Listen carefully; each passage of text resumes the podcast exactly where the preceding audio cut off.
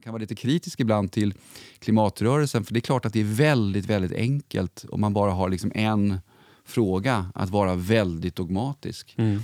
Men politiken är ju satt att hantera det här i ett samhällskontext. Och då vet vi ju då att om, om politiken skulle driva en politik som innebär ändå en väldigt betydande risk för att eh, mycket av industrin slås ut och arbetslösheten ökar eh, och så vidare. Ja, då får vi ju ett bakslag gentemot politiken och eh, då kommer ju omställningen gå mycket, mycket långsammare. Så det, det här är ju den här svåra avvägningen som finns. Hej och välkomna till På tal om siffror, en podcast från Statistikmyndigheten SCB. Jag heter Johannes Kleris och i På tal om siffror pratar jag med intressanta personer om intressant statistik. Idag ska vi tala om en ständigt brännhet fråga, klimatet. Och givetvis gör vi det med en kanongäst för ämnet, klimatexperten Johan Kylenstierna. Johan är adjungerad professor och hedersdoktor vid Stockholms universitet och vice ordförande i Klimatpolitiska rådet. Johan Kylenstierna, välkommen till På tal om siffror. Tackar, tackar. Trevligt att vara här.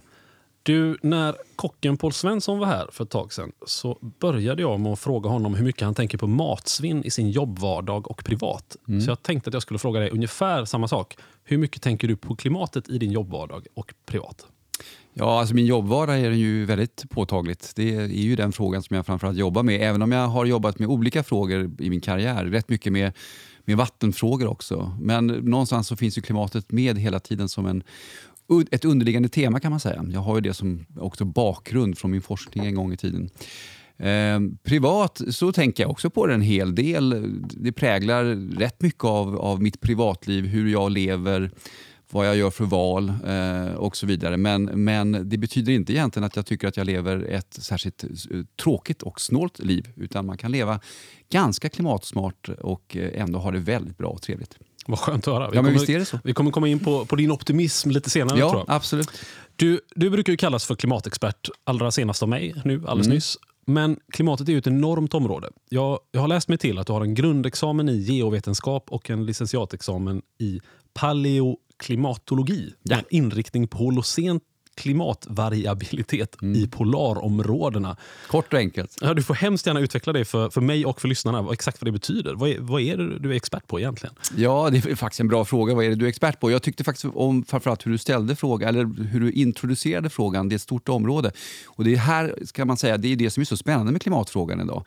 Därför att den har gått ifrån att vara en ganska liksom, vetenskaplig disciplin. Det finns ju klimatologi som vetenskaplig disciplin, meteorologi, eh, förstås också. Idag är ju klimatfrågan en samhällsomställningsfråga. Så att, att säga att man är expert på klimatfrågan det är egentligen att ja, vara ganska vågad. om man säger så. Därför att Det handlar om energisystem och jordbruket, det handlar om samhällsomställning, psykologi, beteende, alla möjliga saker. Så att det är just det som är så spännande med klimatfrågan idag. Att den är så bred, att den är så stor. Och det kräver jättemycket samverkan för att man ska hitta lösningar.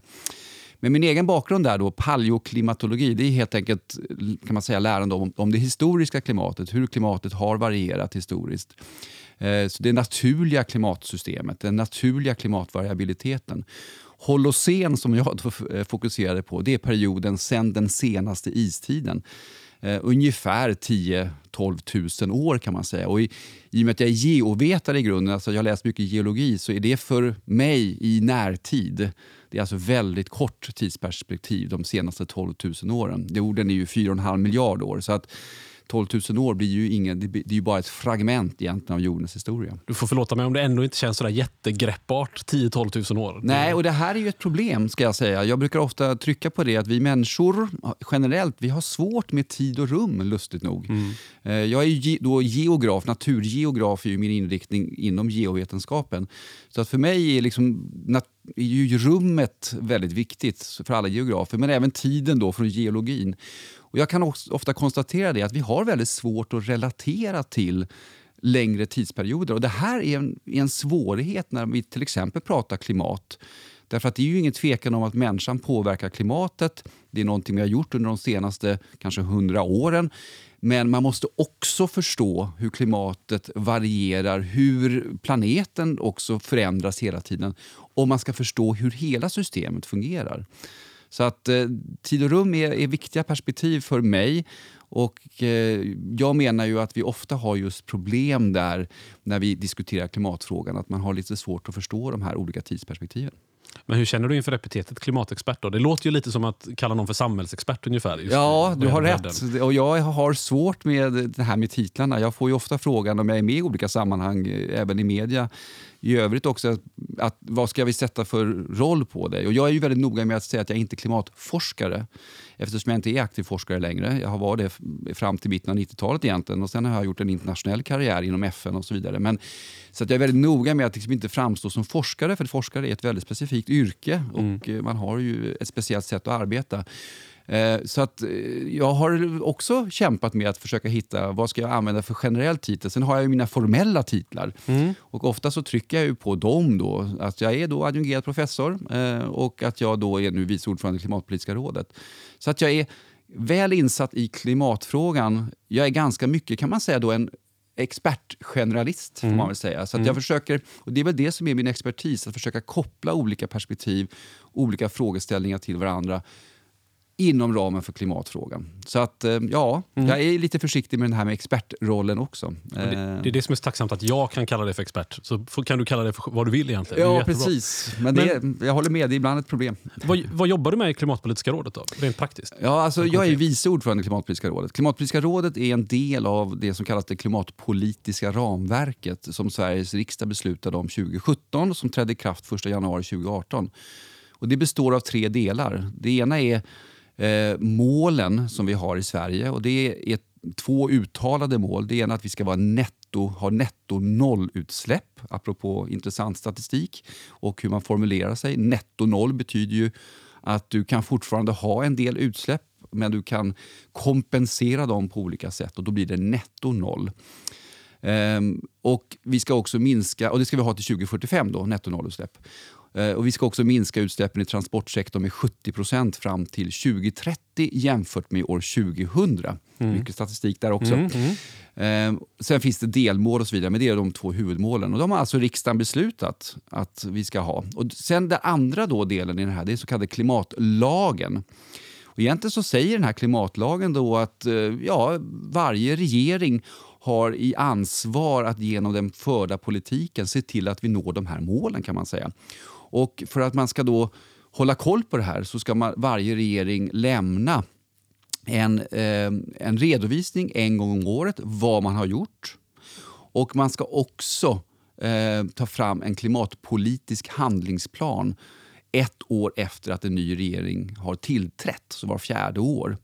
Och Det är också intressant. Bland annat så spelar SCB en, en viktig roll här därför att vi måste ju då veta okej, okay, det här har vi genomfört i politiken. Vad får det för effekter? Mm. Och Då måste man ha koll på vad som händer med utsläppen i Sverige. Just det. Och Där är ju bland annat då statistik från SCB e eh, viktigt. Mm. Den tredje delen av det här ramverket det är Klimatpolitiska rådet. Och Vi har då till uppgift att granska den förda politiken och utifrån de här målen och komma med ett utlåtande. Räcker den politiken som förs idag till att nå målen? Eh, och de här förslagen man lägger, är de tillräckliga i handlingsplanen? Och Vi kan också då komma med rekommendationer om vi tycker att, att då inte politiken räcker. Så rådet är väldigt likt det finanspolitiska rådet, men då på klimatsidan. Så vi har mandatet att faktiskt då granska den samlade politiken, alltså inte klimatpolitik utan den samlade politiken som förs och om den leder till att vi når målet om netto noll och de här utsläppen i eh, transportsektorn. Det här finns ju nu också på europeisk nivå. Så senast igår, onsdag, eh, nu ska vi se vilket datum det var då, den 5 mars, mm. eh, så la ju kommissionen sin klimatlag som nu ska göra egentligen precis samma sak för hela EU men då fram till 2050. Och att all politik som förs inom EU ska leda till att hela unionen når netto nollutsläpp 2050. Så att min roll där är då som sagt var vice ordförande i det här rådet. Det är åtta medlemmar i rådet. Eh, och Ingrid Bonde är då ordförande i rådet. Det låter lite som att ni är klimatrevisorer nästan. Alltså på ett sätt så blir det ju så, men det intressanta då i rådet är ju att, eh, alltså, det är ju att de övriga då, de är riktiga forskare så att säga. De är fortfarande aktiva forskare, de sex övriga. Sen ordföranden har också en annan roll. Men Eh, de är ju från olika forskningsområden. Det är precis det här tillbaka till klimatfrågan om man nu ska vara expert. Så där har vi energiexpert, vi har eh, expert på de gröna näringarna, man säger jord skogsbruk, samhällsomställning, vi har alltså Eh, Eh, vi har eh, nationalekonom, vi har, så vi har alla de här olika spektrarna som behövs för att man ska kunna granska den samlade politiken och, och dessutom förstå både klimatfrågan från ett naturvetenskapligt perspektiv men sen också hela samhällets omställning. Så, så där har du verkligen exemplet på eh, hur, klimat, hur komplex klimatfrågan är och just det här behovet då av att ha en väldigt stark samverkan mellan olika discipliner om man ska förstå den totala omställningen. Du har ju sagt att du trivs i gränslandet mellan politik och vetenskap. Mm. Och för mig låter det ju som själva definitionen av hela klimatfrågan egentligen. Ja, det är det. Så är det. Och det, det är det här som jag tycker har varit så spännande i min karriär. Därför att under de här nästan 30 åren nu som jag faktiskt har jobbat med de här frågorna eh, så har ju klimatfrågan är ju ett exempel på en sån fråga som har gått ifrån att vara väldigt vetenskaplig egentligen. När jag började i början av 90-talet hade visserligen den första FNs klimatrapporter kommit. Eh, men det var ju inte alls en fråga som debatterades på det här sättet i samhället utan det var fortfarande en, en ganska vetenskaplig fråga där man försökte förstå hur växthusgaser påverkar klimatsystemet och vad det kan då få för effekter på temperatur till exempel. Men sen har ju då den här explosionen kommit när det har blivit en politisk fråga. Och, i, och Det handlar ju då om när man har varit i och med att man har varit medveten om att klimatet påverkas av oss människor så blir det ju plötsligt mycket mer att det handlar om hur samhället ser ut. Och Det intressanta är då om du jämför med många andra miljöfrågor, om du tar problemet vi hade med försurning tidigare på 70 och 80-talet. Även om du tar ozonskiktsuttunningen, det vill säga det här med utsläppen av så kallade CFC, alltså klorfluorkarboner, vi kallar det ibland slarvigt freoner. Eh, då var det frågor där man ganska enkelt kunde komma med en teknisk lösning. Man kunde byta ut de här CFC, man kunde installera rening och få bort svavlet det påverkade inte samhället så mycket egentligen. Det var liksom en investering och så kunde man komma till rätta med problemet. Klimatfrågan det handlar om vår, hela vårt system. Mm. Det handlar om energisystemet, det handlar därmed också om transport, livsmedelsproduktion, samhällets, hur samhället är konstruerat och uppbyggt.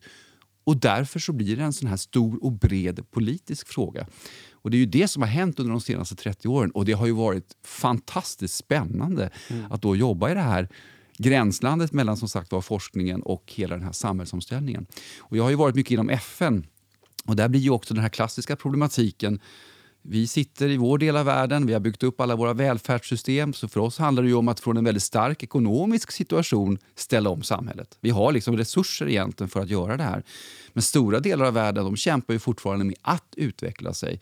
Vissa har en snabb ekonomisk utveckling, vissa har ju fortfarande väldigt stora problem med fattigdom. Och för dem är ju frågan en helt annan.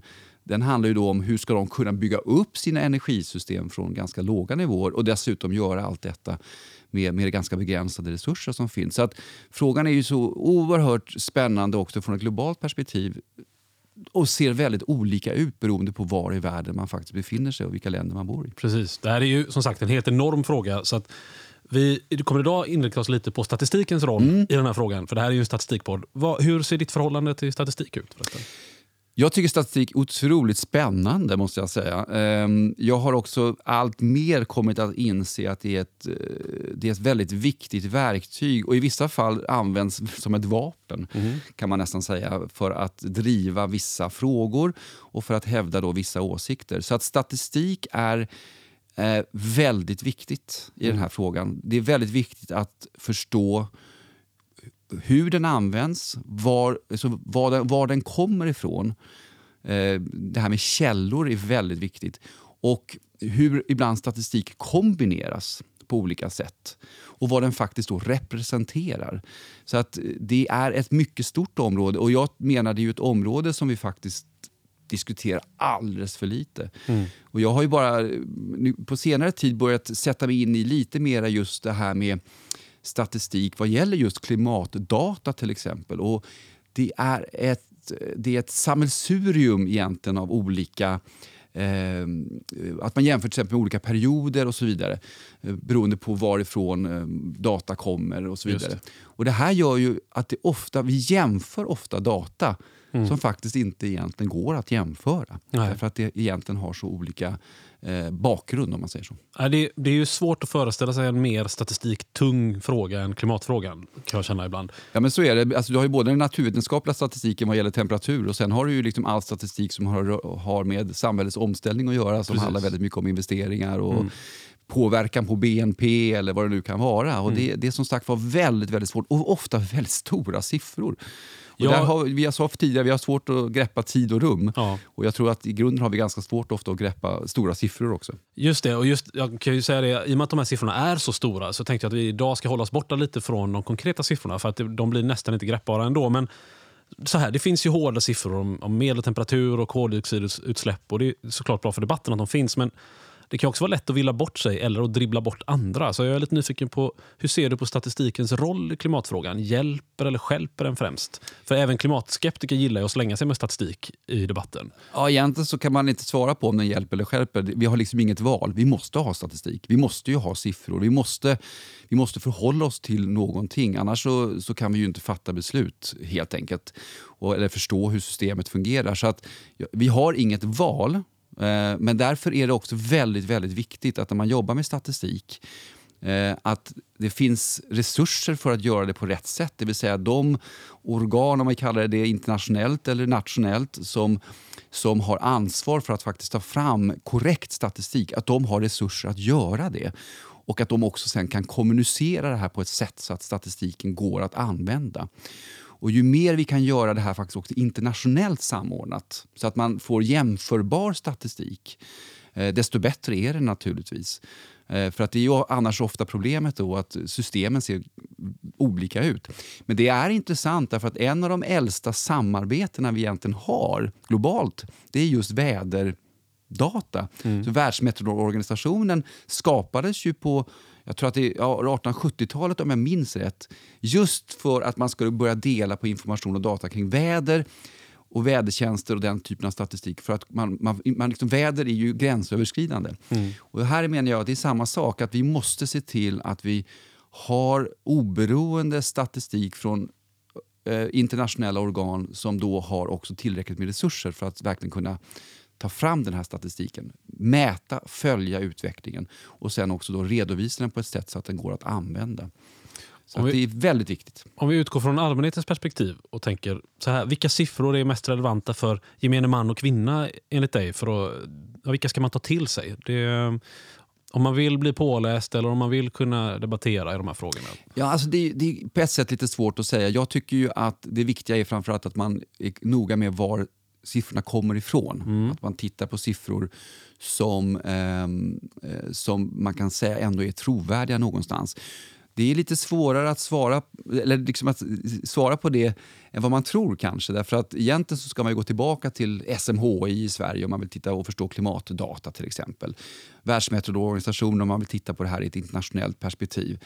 Sen finns det ju många andra organ som också tar fram globala data kring, eh, kring klimatförändringar. NASA i USA och så vidare.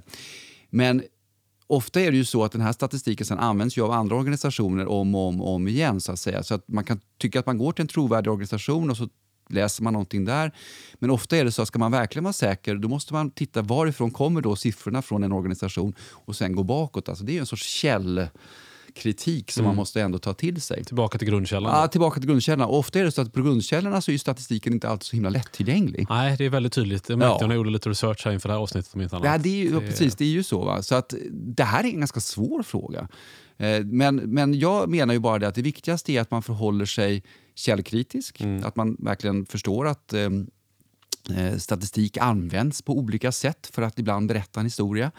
Eh, och Sen så tycker jag ju också att det är ganska klokt att ibland försöka titta på olika källor eh, och försöka få, bilda sig en uppfattning om om man säger någon sorts spridning. En sånt här område just nu som, som många försöker att sätta sig in i förstås för att förstå omställningen till exempel är hur snabbt går egentligen utbyggnaden av sol och vind i världen? Ehm, och då kan man konstatera att tittar man på olika källor så finns det ju rätt mycket spridning faktiskt. Alltså hur mycket solkraft har vi byggt i världen egentligen? Hur mycket vind har vi byggt i världen? Där finns det en spridning. Och det kan man väl acceptera då. Men sen handlar det ju också väldigt mycket om hur den här presenteras. Så att, jag, menar, jag presenterar ju ofta just statistik som visar hur otroligt snabbt det faktiskt går med utbyggnaden. Samtidigt så är jag också noga med att lägga in den här datan till exempel tillsammans med alla andra energisystem och så ser man plötsligt att det ändå bara är 4% eller 3% av den globala energiförsörjningen. Så att det är viktigt också att när man sätter sig in i statistik att man förstår hur den förhåller sig till den stora bilden. Eh, och Det tycker jag är väldigt viktigt. Och det här är ju det som ibland man diskuterar i Sverige ja, våra utsläpp de är så här mycket men de är bara en promille av det globala. Och här är ju ofta det här bråket då att ja, men ska Sverige minska mm. med hälften så har det ingen betydelse globalt. Och det är ju rätt när det gäller då statistiken kring utsläppen i ton. Utan det finns andra skäl till då att Sverige ska ställa om. Så att det är det här hela tiden som är väldigt viktigt när man diskuterar statistik. Hur den används, hur den tolkas och att man är källkritisk. Ja, alltså klimatskeptiker är ju inte sena med att ifrågasätta exempelvis FNs klimatpanel, IPCC Nej. och sådär. Men vilka källor tycker du man ska ta till sig främst av de stora? Det finns ju då IPCC, det finns som du sa Världsmeteorologiska organisationen, vad är det, WMO? Ja. Är det de heter. Mm. Uh, The Global Carbon Project som ja. mäter koldioxidutsläpp ut i världen. Mm. Uh, NASA sa du också, SMHI. Är, det de man ska, om man ja. ser, är de en kvalitetsstämpel tycker du, om man ser siffror därifrån? Jag tycker absolut det. Mm. Eh, sen är det klart att de som är skeptiker mm. och som till exempel ifrågasätter FNs klimatpanel de blir ju inte övertygade av att jag säger att jag tycker att det här är trovärdiga källor därför att de menar ju då att det här inte är trovärdiga källor. De menar ju då att det finns konspirationsteorier kring de här eh, att FNs klimatpanel eh, då har ett politiskt syfte. De har rätt så tillvida att FNs klimatpanel är ju en intergovernmental panel on mm. climate change. Så mm. det finns ju liksom en politisk dimension i eh, den här i FNs klimatpanel. Men det gäller ju inte rapporterna. Eh, sen tar man fram det som kallas en summary for policymakers och där finns det hela tiden en diskussion mellan länderna vad de kan acceptera att det står i den här. Men forskningen backar ju aldrig. Det är aldrig så att ett land kan kräva att det ska stå någonting som inte forskningen kan stå bakom. Och Det är en viktig distinktion. Det är mm. inte liksom länderna som i slutändan bestämmer att nu ska det stå så här, även om forskningen säger så här. Eh, men Tyvärr är det ju så att de här, om man nu ändå säger oberoende källor, WMO är ju ändå Världsmeteorologorganisationen, det är ju liksom alla länder förstås som står bakom det. Tyvärr är det ju så att de som är skeptiska till de här, de, de är ju skeptiska till de här källorna. Mm. Och de tenderar ju då att leta efter andra typer av källor mm. som, eh, som då andra står bakom och som ju också då har sin egen agenda. Så tyvärr så kan man säga då att det, det pågår en kamp där ute. Mm. Det jag tycker ibland är bra det är att gå tillbaka någonstans till eh, verkligen grunden. Mm. Um, och um, Vad jag menar med det, det är ju att om man tittar till exempel i Sverige så finns ju ändå mätningar från SMHI som visar hur mycket har de facto temperaturen stigit. Det är ju liksom såna mätningar. Mm, Eller hur mm. mycket har de facto koldioxidhalten stigit i atmosfären? Mm. När man kommer ner på den nivån, liksom verkligen grunddata, så kan man ofta vara ganska överens om att okay, grunddata är okej. Okay. Så rätt många klimatskeptiker säger ju inte att inte medeltemperaturen har stigit. Nej. För det, de, det, kan de, det kan de flesta av dem faktiskt acceptera. De går bara inte med på att det är människan som orsakat det. och det är skillnaden. Så du kan ändå hitta någon sorts gemensam grund att stå på. Ja, vi ska inte gå ner oss för mycket i det här konspirationsträsket för då kommer vi nog aldrig upp igen. Tror Nej, man gör inte det och man får väl bara konstatera att så, så ser världen ut. Ja. Men, men från mitt perspektiv eh, så tycker jag ju att de här stora, eh, väl etablerade eh, organisationerna, jag menar NASA, mm som många också hävdar då skulle ha någon sorts konspirationsteori. Det är ju rätt intressant eftersom det är en amerikansk eh, organisation. Eh, ja, de fortsätter ju att presentera sin data idag trots att de faktiskt har en president som kanske inte då, eh, ja, står bakom det precis. Så att, eh, jag, jag, tycker ändå att de här stora organisationerna, väletablerade organisationerna, om man nu är intresserad av statistik och data så ska man ändå gå till dem. Mm. Sen kan man också, tycker jag, alltså Världsbanken, den typen av organisationer som då analyserar data och sen skriver olika typer av rapporter där man drar slutsatser.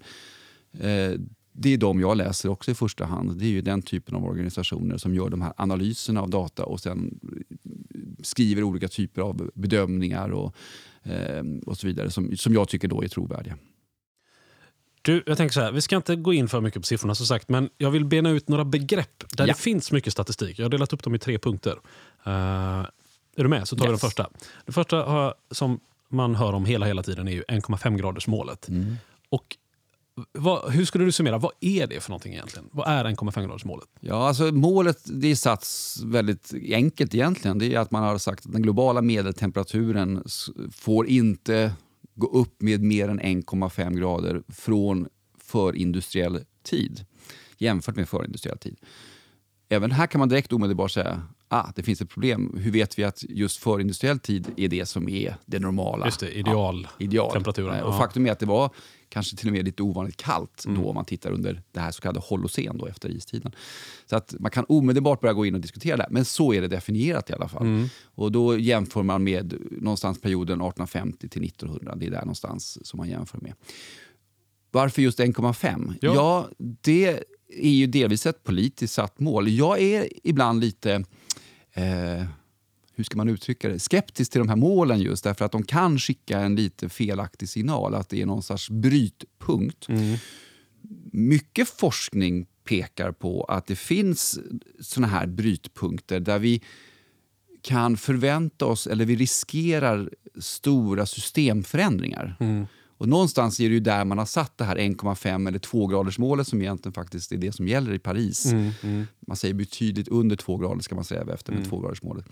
Så att någonstans mellan 1,5 och 2 grader så har mycket av vetenskapen bedömt att här har vi liksom, riskerar vi stora systemförändringar. Just det, men de gränserna är ju flytande? Då. De gränserna är flytande och de är väldigt olika för olika system. Ja. Alltså det är skillnad på havsisen i Arktis och kanske påverkan på regnskogen. Så det är inte så att det är här som saker och ting börjar hända utan vi ser redan idag stora förändringar. Korallreven till exempel har vi stora utmaningar med redan idag när medeltemperaturen har stigit ungefär en grad. Ja, det var det jag tänkte säga. Där är vi nu. En, där är vi grad. nu ungefär mm. en grad. Ja, mm. precis. Sen är det ju det här problemet också. då. Mm. Om man, och där är vi tillbaka till det här med förståelse av tid och rum och förståelse av komplexa system. Det är ju att klimatet är ju inte linjärt. Nej. Utan du har ju väldigt mycket variabilitet naturlig variabilitet i klimatet. Mm. Och där har vi då det här problemet när man försöker säga att vi har ett eller tio år på oss och sen så kommer det vara 1,5 grader.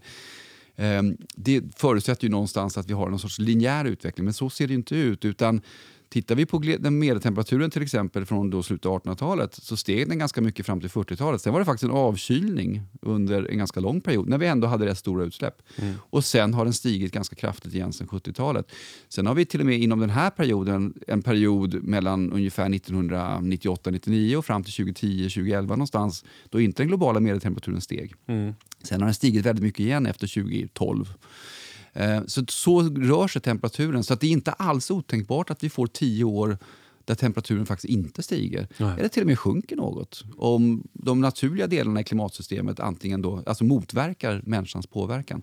Är inte problemet att, att människan är lite fyrkantig med såna här tydliga siffror? Att vi förhåller oss lite till 1,5 graders målet ungefär som många gör med bäst före-datum på förpackningar. Att man tror att det är en magisk gräns. att, eh, ja, men så är, där, det är så bra, fort den har passerat så ja. är det, ja, då, då är det helt andra förutsättningar som gäller. Ja, men det är en bra jämförelse. Och, och som sagt det, det, här är ju det som också är en, en problematik. Därför att man kan ju då säga eh, att ja, men vi kanske har längre tid på oss. Därför mm. att eh, just nu är det faktiskt så att det finns vissa signaler som tyder på att vi har egentligen en, ganska, en lite naturlig avkylning som faktiskt motsvarar, motverkar då uppvärmningen. Mm. Och det är klart att om, om vi ser att den då kanske fortsätter en period, ja, då kanske vi har lite längre tid på oss. Å andra sidan är det också en risk, därför att om det naturliga systemet då vänder, då kanske uppvärmningen går mycket fortare. Så att du har rätt. Va? Det, vi, mm. vi, vi förhåller oss till siffror på ett sätt som om de vore väldigt exakta i det här sammanhanget och linjära, men så är det inte. Utan vi har att göra med ett mycket komplext system. Nu får du rätta mig om jag har fel, men så här ändå. Just nu säger prognoserna att världen är på väg mot en temperaturhöjning till på 3-3,5 grader mm. 2100, så att säga. Mm. 2100, beroende på hur man säger det. Och för att då klara det här 1,5 graders målet, vilket man kanske inte siktar på längre som du säger, eller man kan vara upp till 2, men då måste de globala växthusgasutsläppen halveras till år 2030, mm. vilket är om 10 år. Mm. Och Det ses ju som nästan en, en ja, nästan till omöjlig uppgift mm. egentligen jag upplever ofta att när man frågar forskare om det är möjligt, forskare får, ofta den frågan, gärna journalister, är det möjligt att nå eh, 1,5-gradersmålet? Och då svarar de väldigt ofta ja, men utifrån perspektivet är det teoretiskt möjligt. Och det är klart det, om man bara stänger av, slutar köra bil, alla på hela jorden samtidigt och så vidare, så är det ju teoretiskt möjligt. Men, Ja, titta Mer- med corona nu har utsläppen i Kina gått ner med 25% ja, procent. men precis. Så mer relevant är väl egentligen om det är politiskt och därmed praktiskt möjligt. Och den frågan tycker jag, den kanske man inte ska ställa till forskare egentligen, Nej. men man kanske ska ställa den till dig. Eh, Just Klimatpolitiska rådet då. Vad tror du, är det praktiskt och politiskt möjligt att nå 1,5-gradersmålet? Så praktiskt möjligt skulle det ju kunna vara då som sagt var, men då skulle det kräva extremt tuff politik. Ehm, jag säger så här, 1,5-gradersmålet eh, tror jag i och för sig är möjligt att uppnå därför att det beror lite grann på då som sagt var eh, hur man definierar det. Ehm, Men däremot att vi skulle kunna halvera våra utsläpp till 2030. Om man då översätter det direkt till huruvida vi når 1,5-gradersmålet så tror jag idag att det praktiskt är väldigt svårt. Mm. Eh, och det, och jag tycker att det är bra att du ställer frågan exakt som du gör, praktiskt och politiskt. Därför att det, det svåra idag är ju politiken. Mm. Och jag kan ju faktiskt vara lite kritisk, även, även, jag är inte kritisk till att man har engagemanget, men jag kan vara lite kritisk ibland till klimatrörelsen. För det är klart att det är väldigt, väldigt enkelt om man bara har liksom en fråga, att vara väldigt dogmatisk. Mm. Men politiken är ju satt att hantera det här i ett samhällskontext. Och då vet vi ju då att om, om politiken skulle driva en politik som innebär ändå en väldigt betydande risk för att eh, mycket av industrin slås ut och arbetslösheten ökar eh, och så vidare. Ja, då får vi ju ett bakslag gentemot politiken och eh, då kommer ju omställningen gå mycket, mycket långsammare. Så att det, det här är ju den här svåra avvägningen som finns. Så att praktiskt är det nog möjligt. Politiskt är det nog väldigt svårt. Mm. Skulle jag vilja säga. Därför att det, det, det är än så länge så genomgripande politik som behövs så att jag har svårt att tänka mig att, att man eh, skulle våga faktiskt driva den politiken. Och det är ju intressant som sagt var. Titta nu vad som händer med coronaviruset och hur det här slår. Mm. Eh, och än så länge så har vi kanske inte kunnat börja räkna om det i, i form av lågkonjunktur och kanske ökad arbetslöshet och, och så vidare. Men vi får väl se. Liksom. Det, det här är ju ett, det, på ett sätt så är det här då ett experiment. Vad som skulle hända om man, om man skulle tvingas då, till exempel sänka utsläppen med kanske 25 procent på, på, en, på ett bräde. Så att säga. Och med det hoppar vi raskt vidare till just utsläppen. Man brukar prata om växthusgaser, att det är det som orsakar eh, klimatförändringarna. Och man brukar mäta det i koldioxid, eller snarare då, nu ska vi ta ett riktigt härligt ord, koldioxidekvivalenter. Ja, exakt. Det vill säga att man mäter alla olika växthusgaser i sam, alltså i, utifrån vilken effekt de har haft i form av koldioxid Ja. så att säga, för att göra dem jämförbara. Kan man säga så? Ja, för att, göra, för, för att förenkla. För att förenkla, skulle jag vilja säga. Istället för att liksom lista alla gaser varje gång så listar man en gas. eh, För de har ju olika, liksom- e- mycket påverkan, de olika gaserna. De har olika mycket påverkan och koldioxid är, är förutom vattenånga faktiskt, som man inte räknar in i det här, eh, men koldioxid är ju den viktigaste växthusgasen nu, eh, i övrigt. Då, så. Mm. Så det här, det här den här punkten är egentligen mest till för information då för de som vill lära sig att liksom navigera i klimatfrågan. Ja. När man pratar om koldioxid så är det egentligen en mängd olika växthusgaser man pratar om, men man mäter dem som om de vore koldioxid. Så att säga. Exakt, men du har rätt. Man måste liksom hålla koll på det här. För att ganska ofta så ser vi till exempel utsläpp av koldioxid och då är det den. Sen Mm. Ja. Mm. så ska det då stå CO2-EQ, ekvivalenter, och då vet man att det är de samlade växthusgasutsläppen. Sen är det ju det som är lite förvirrande att ibland mäter man faktiskt utsläppen i form av koldioxid, ibland mäter man utsläppen, ser man utsläppen i form av kol. Mm. Eh, och det är ju också två helt olika saker så att säga. Mm. Eh, det blir ju olika vikt om man säger så. Så att eh, man måste hålla lite koll på den här typen av data. Det är korrekt. Nu kommer jag med en sån här abnorm siffra ändå. Förra året, så, detta är väl preliminärt tror jag, men det, det väntade sammanlagda utsläppet av koldioxid, eller koldioxidekvivalenter då, i atmosfären väntades landa på 36,8 miljarder ton. Ja, men då är det koldioxid. Är det bara koldioxid då? Ja. Är det inte alla växthusgaser? Nej, för koldioxidekvivalenter, om jag inte minns helt fel, så ligger vi på ungefär 55 miljarder ton. Ja. Ja, som sagt, det här är så stora siffror som de inte riktigt går att greppa. Men det jag har sett är att jag har faktiskt sett det här vinklas som något positivt eftersom ökningen planat ut. Det, Ja. säga, det har ökat flera år och nu planar det ut lite, men det är fortfarande en ökning. Jag vet att den ordföranden då för Global Carbon Project som vi nämnde förut, han sa följande till Washington Post. Vi bränner vår utsläpp, utsläppsbudget i samma takt som en missbrukare bränner sina pengar. Mm. Det, jämfört med 1990 så är det ju nästan en fördubbling till exempel av utsläppen. Ja, jag tror till och med, ja precis. Det, sen vi skrev Inte under riktigt, klimatavtal, alltså klimatkonventionen så är det 60 procent. Mm. Sen Parisavtalet är det 4 procent sen 2015 då, som det har ökat. Men hur, du har varit inne lite på det. Hur ser utvecklingen ut i olika delar av världen? Ökar det överallt eller ökar det i vissa delar och minskar i andra? Eller hur? Ja, det där är en intressant fråga. Som det ser ut nu Mm. så kan man säga att utsläppen minskar i de flesta OECD-länder. Alltså i, om man tar Europa, Nordamerika faktiskt också. Under Donald Trump fortsätter minskningarna. Mycket därför att man går över från kol till gas där, men även mycket förnybart faktiskt också. Eh, och så kan man säga att utsläppen ökar i övriga delar av världen. De ökar fortfarande mycket i Kina, Indien eh, och i många andra länder då i syd som ju påbörjar sin som man säger, ekonomiska utveckling. Så att det, det, är, det är två olika bilder eh, definitivt. Eh, och i och med att det har varit så... Alltså, mi, utsläppen började ju minska för ganska länge sedan egentligen i, i, eh, i Europa, de flesta europeiska länder och eh, i Nordamerika.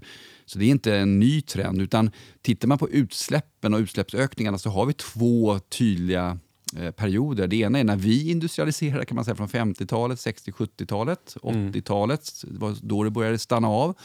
Sen planar det ut och sen kommer Kina igång på 90-talet och Indien. Och så har vi liksom en kraftig ökning igen. Och nu är det då frågan om vi kommer till en ny platå. Och sen kanske kan de afrikanska länderna kommer. Eller om det faktiskt är så att vi nu får en vändning. Varför vi kan vara lite mer optimistiska när det gäller det nu, det är ju därför att de förnybara energisystemen idag på riktigt kan konkurrera. Och är faktiskt då eh, billigare i många fall eh, än eh, till och med de fossila energisystemen. Så att eh, du har helt rätt att eh, vi ser en utplaning igen. Men vi ska vara försiktiga för det är enskilda år. Vi hade en, en utplaning eh, under flera år, runt 14, 2014, 15, 16. Sen hade vi faktiskt en väldigt kraftig ökning 17. Ja, 18 framför allt.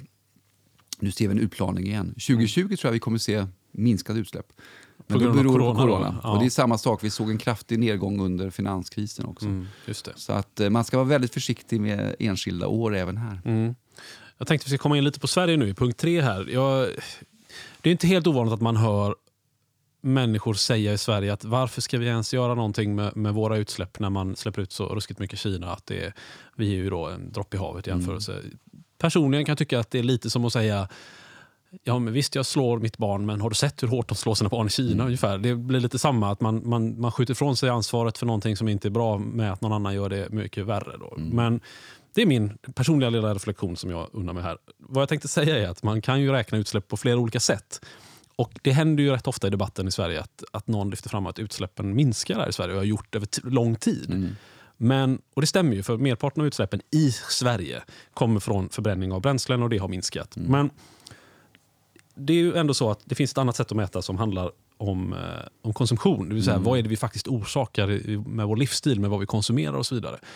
Och då som handlar om eh, egentligen då Ja, alltså utsläppen uppstår rent geografiskt någon annanstans men det är för att vi ska kunna konsumera olika saker. För mycket av produktionen har flyttat från Sverige och så vidare. Den typen av produktion. Den typen av produktion. Och hur vår konsumtionsmönster har förändrats. Ja, men vad, tycker du själv att, att det börjar slå igenom? För, att för några år sedan kändes det som att det inte nämndes alls, men nu kanske man pratar mer om det. Och hur viktigt är det att det här konsumtionsbaserade perspektivet slår igenom för, för, i debatten för att man ska komma någon vart? Vad, hur ser du på det? Jo, men jag tror att det är viktigt. Man måste förstå att det, det finns liksom ett formellt system att räkna och ibland så blir man ju då, eh, kan man ju bli förbannad på politiken som då inte tar upp det här med konsumtionsbaserade system. Men faktum är att det, det, det formella internationella systemet eh, ser ut så här. Man räknar utsläppen där de sker. Territoriella utsläpp. Territoriella utsläpp. Det gör ju till exempel, om man är mer, ännu mer extremt om du tar ett land som Norge, så har ju de väldigt bra statistik. Eh, och må- många oljeproducerande länder har. Därför att det, inte, oljan, det räknas ju inte in i deras statistik att de utvinner olja, utan det är ju där oljan förbränns. Och det är lite grann samma sak här då med konsumtion.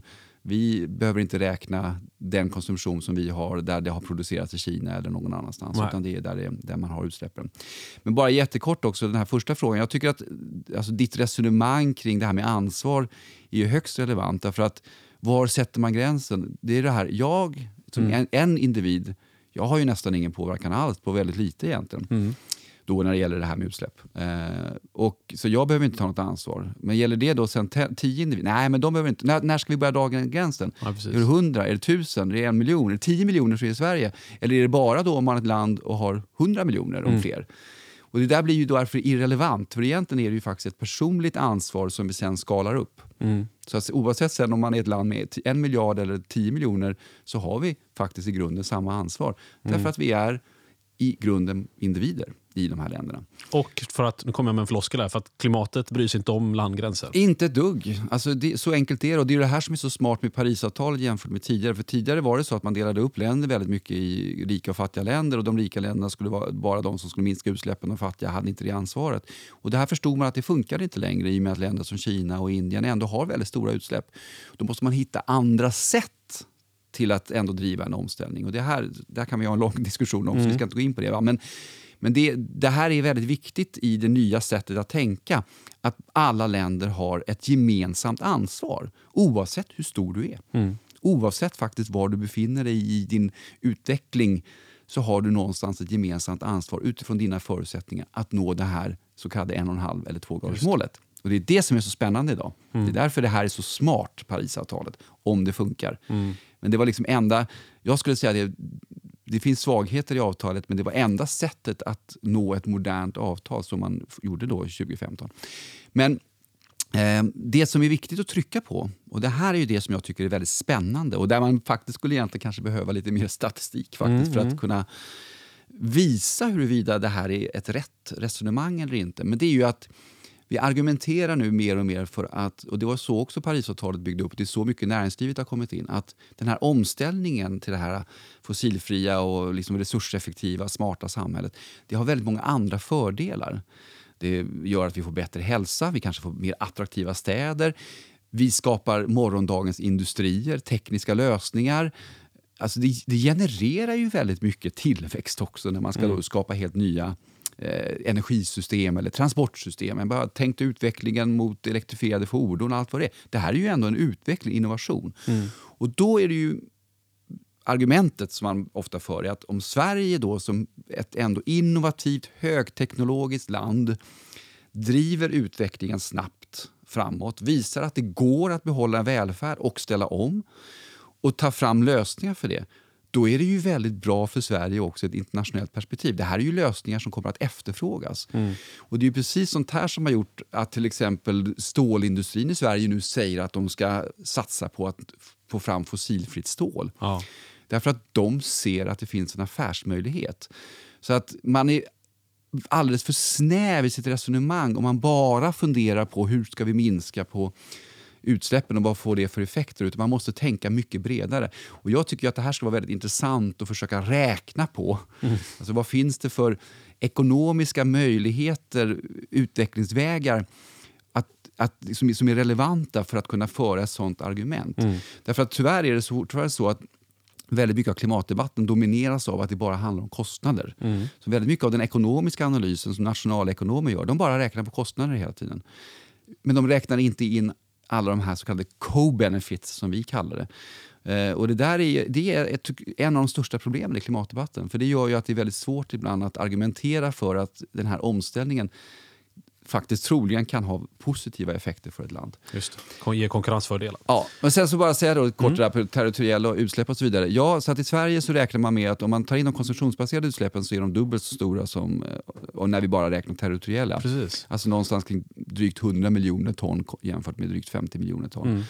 Um, så att, men, men ibland så tycker jag också faktiskt att även där så blir resonemanget ganska konstigt därför att det är ju inte så att vi i grunden egentligen har tvingat Kina att producera de här produkterna utan det är ju en, det är ju liksom en global marknad mm. som har utvecklats. Så mm. att, det är inte så, ibland låter det lite grann som att vi bara exploaterar andra länder men det är, problemet är ju egentligen att den globala marknaden fortfarande och industriella produktionen baseras på fossila bränslen. Det är ju det som är grundproblemet.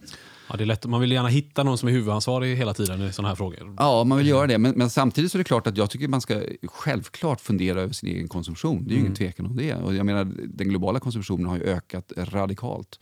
Mm. Eh, och det är klart att på många sätt, den är inte bara kanske ohållbar utifrån ett klimatperspektiv utan det handlar ju väldigt mycket om andra naturresurser också och påverkan på miljö eh, generellt. Jag ska faktiskt nämna lite siffror här ändå från eh, Naturvårdsverket och SCB. Uh, eh, det, det här territoriella, territoriella utsläppen som vi pratar om, det vill säga det som, utsläpp som orsakas rent fysiskt i Sverige inom landgränserna, de har ju minskat med uh, nästan en tredjedel sedan ja. 1990. Vilket ju är, det är mycket.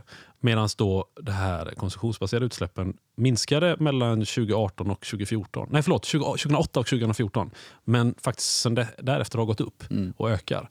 Så att konsumtionen ökar ju. Nu tror jag bara man har fram till 2017 och där siffror. Men det går ju uppåt på något sätt. Och det, Nej, är, det, det är är, ju det en rätt, är utmaning. det rätt väg när vi ska nå ett mål om att minska? liksom? Nej, så är det ju inte. Och jag, jag tycker att man ska presentera, även om politiken utgår ifrån de territoriella, Mm. så är det jätteviktigt att just presentera såna här data.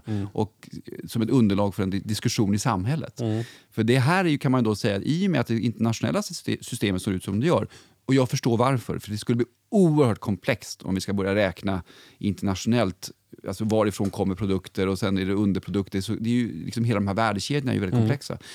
Men däremot tycker jag liksom samhällsdebatten, den kan ju mycket väl handla om just de konsumtionsbaserade. Det ska man utgå från den nivån tycker jag. Ja, Eh, och diskutera. Och sen är det det att internationellt flyg och sådana saker, det räknas ju också utanför utanför det där. eh, Ja. de här Mm, systemen. Så att det, det finns många det finns många dolda saker Mm. som vi kanske inte tar med i diskussionerna om vi bara förhåller oss till det formella systemet. Så att jag tycker att den här typen av statistik är jätteviktig. Ja, som enskild medborgare kan man ju ta med sig i alla fall att tre femtedelar av, den totala, av de totala utsläppen, konsumtionsbaserade utsläppen kommer från hushållen. Det vill Ja. säga gemene man. Ja. Det, det kan man ju veta. Och Du nämnde flygresor också. Det, jag tittade faktiskt på det precis innan vi gick in här.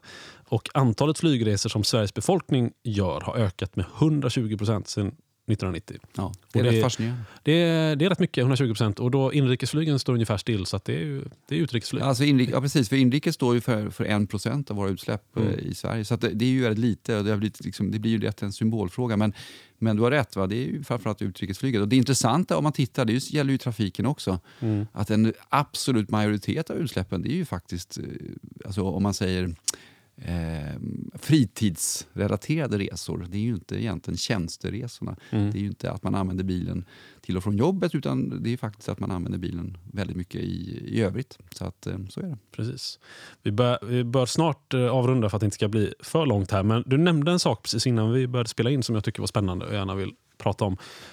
Eh, som visar någonting om kanske mm, problemen med statistik. Mm. Det vill säga referenspunkter och hur mycket de avgör hur statistiken uppfattas. Mm. Det, det handlade om eh, hur vi mäter vad som är normaltemperatur om jag förstod det rätt. Mm. Det vill säga, när man pratar om temperaturer och, och säger att ett år är varmare än normalt eller kallare än normalt så jämför man ju med någonting. Mm. Och att man då kanske inte tänker på men vad är det man jämför med. Och då är det du berättar för mig. Vad, vi börjar där. Vad är det man jämför med när man säger att 2018 var varmare än normalt? Vad jämför man med då? Ja, alltså det formella systemet Mm. eh, som har kan man säga, klubbas just genom Världsmeteorologorganisationen där alla Mm. länder har kommit överens, det är att man jämför med så kallade 30-årsperioder, normalperioder kallar man det. Eh, och det gör att vi idag då jämför oss med en period som sträcker sig mellan 1961 till 1990. Man flyttar nämligen de här 30-årsperioderna, normalperioderna, i 30-årsintervaller. Mm. Så det är inte så att de är glidande, eh, utan de flyttas när man har då kommit ytterligare 30 år framåt. Då f- byter man normalperiod. Just det, Så så man flyttar dess- inte ett år i taget. Nej, så, så att det att- blir varje år så skjuts den ett år, den här normalperioden fram. Utan man flyttar från en 30-årsperiod till kommande 30-årsperiod. Exakt. Så att innan 1991 till 90 så jämför man med 1931 till 1990. Mm. Eh, och det här ska då, innebär ju då att vi från och med 2021 Mm. eh, byter normalperiod. Ehm, och det har, kommer att få e- effekter. Därför att eh, klimatet förändras ju och varierar och framförallt nu blir det ju ytterligare intressant därför att människans då påverkan på klimatet drar ju klimatet i en viss riktning. Mm. Det blir varmare. Så att perioden 1991 till, eh, eh, till 2000, eh, vad blir det nu då? 2020 Mm. Är betydligt varmare Mm. än perioden 1961 till 90. Eh, och det här innebär då att när man nu börjar att jämföra med eh, en, liksom det, vad, jämfört med det normala så kan det bli så att en sommar 2020, om den är varmare än normalt, bara något varmare än normalt, men fortfarande den är varmare än normalt, så kan exakt samma sommar, om den har exakt samma temperatur 2021, plötsligt beskrivas som något kallare än normalt. Den skulle till och med kunna vara lite varmare. Sommaren 2021 skulle till och med kunna vara lite varmare än 2020 och ändå beskrivas som, Som kallare, kallare. än normalt Ja. samtidigt som sommaren 2020 beskrivs som varmare än Så är normalt. Det. Det, här är ju lite svårt att ta in. Alltså. Det, blir, det blir plötsligt svårt att känna att man kan Ja men, ja, men ta de här siffrorna på allvar om man ska vara riktigt eh, hård. Ja, alltså, och det är därför som man måste skilja på, tycker jag, återigen. Mm. Alltså när man tittar på att vi jämför med någonting eller att man tittar på absoluta värden. Mm. Och jag menar. SMHI presenterar ju både och. Va? Så att du kan ju faktiskt gå in och titta också hur har temperaturen förändrats. Och då Mm. kommer du ju se att 2021 var varmare än 2020. Man tittar på kurvorna istället Titta för... på den absoluta kurvan, Ja. absoluta temperaturen. Så det är Ja. där återigen, det är så viktigt att inte bara liksom titta på en Mm. data utan att förstå att jag måste titta på flera data för att förstå hela bilden. Mm. Och för att komplicera saker, därför att många länder är medvetna om det här så en del har börjat att glida. Mm. Så att om du tittar i vissa fall så kan du se att man jämför med 1981 till 2000. Alltså det, Men varför gör man så här överhuvudtaget? Varför har man inte Alltså, ändrat sitt nej, system? man har inte gjort det. Jag vet att det här kommer nog att, det här kommer nog att diskuteras eh, rätt mycket nu när man just ser den här, nästa förändring. Ja. Ehm, och eh, Jag skulle rekommendera att man bjöd hit eh, kanske SMHI och Mm. hade faktiskt till och med en podd om just det här.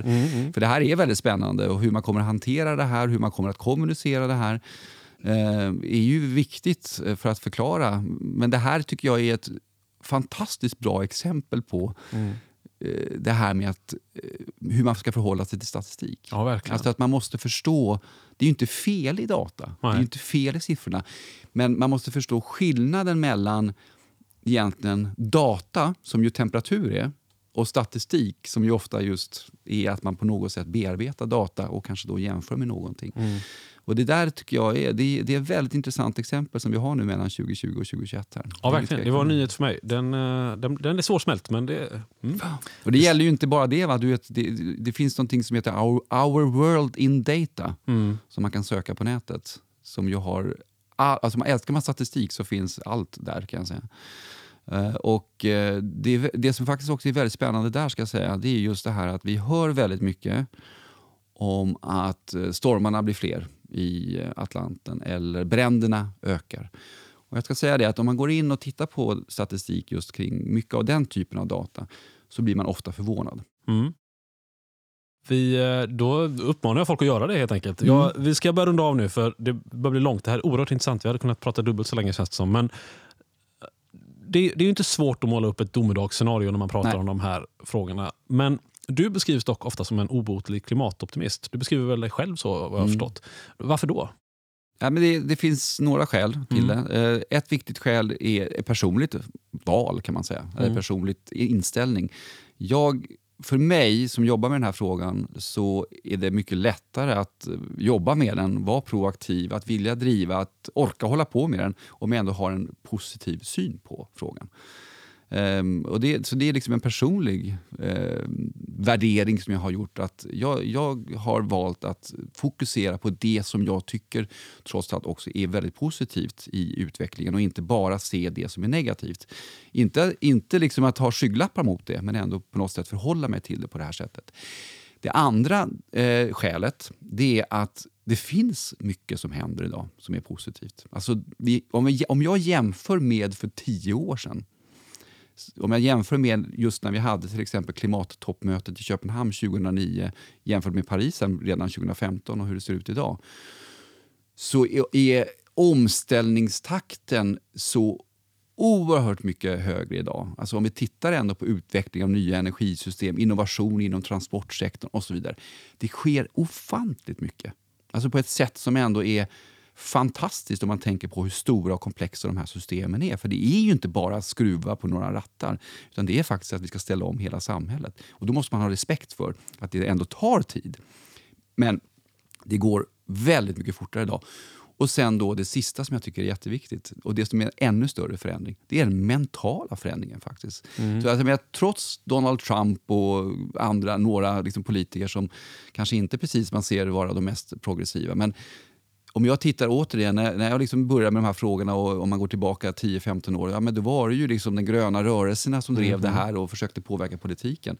Men idag är den ju på högsta agendan i, i alla företag. Det är liksom städer över hela världen, borgmästare och regioner som driver hela den här omställningsfrågan. Så att det har ju blivit en mental förändring hos människor i beslutande positioner att det här ändå faktiskt är vägen framåt.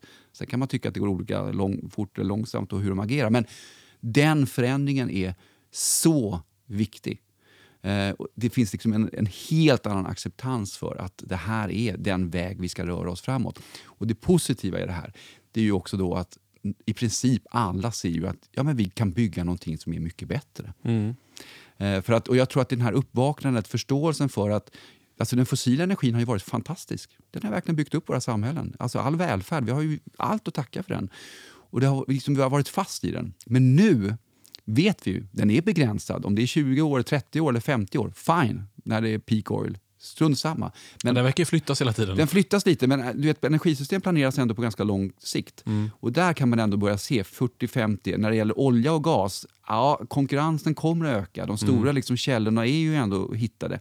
Sen kommer okonventionell och allt det här. Men konkurrensen kommer att öka, konflikterna riskerar att öka. Du sitter ändå i händerna på ett fåtal länder. Och då när man nu sitter och ska, nu ska börja, vi ska modernisera alla våra energisystem i, i, Europa, Kina ska bygga upp dem, de ska ha 2050, afrikanska länder ska börja planera liksom från hur de ska bygga morgondagens energisystem. Då börjar valen bli allt mer att nej, men det är klart att vi ska fokusera på energisystem som vi vet faktiskt i grunden är oändliga. Men... Sol och vind kommer alltid att finnas. Och Det är ju det som är så spännande. Sen skapas nya miljöproblem, jag ska säga det. Ja, det är metaller och alla nu, möjliga saker. Men där finns det ju faktiskt bra lösningar idag. Nu är du inne mycket på, på den mänskliga inställningen till saker mm. och ting. Men finns det något i statistiken som gör oss skäl att känna optimism? Absolut. Om man tittar bara på statistiken vad gäller hur snabbt utvecklingen av förnybar energi går i hela världen. Sen så utvecklas fortfarande mycket fossilt i, i Kina, men de utvecklar också enormt mycket förnybart. Eh, så att statistiskt om man tittar så slår ju verkligheten hela tiden alla prognoser. Det går mycket snabbare. Så att jag håller med att där är verkligen statistiken ett starkt verktyg för att visa att vi har anledning till att vara optimister. Johan Kylenstierna, tack för att du varit med På tal om siffror. Tackar. Och tack till alla er som har lyssnat. Jag heter Johannes Kleris. Mattias Boström står för produktion och klippning. Nästa gång pratar vi om något annat. Välkomna då. Hej hej.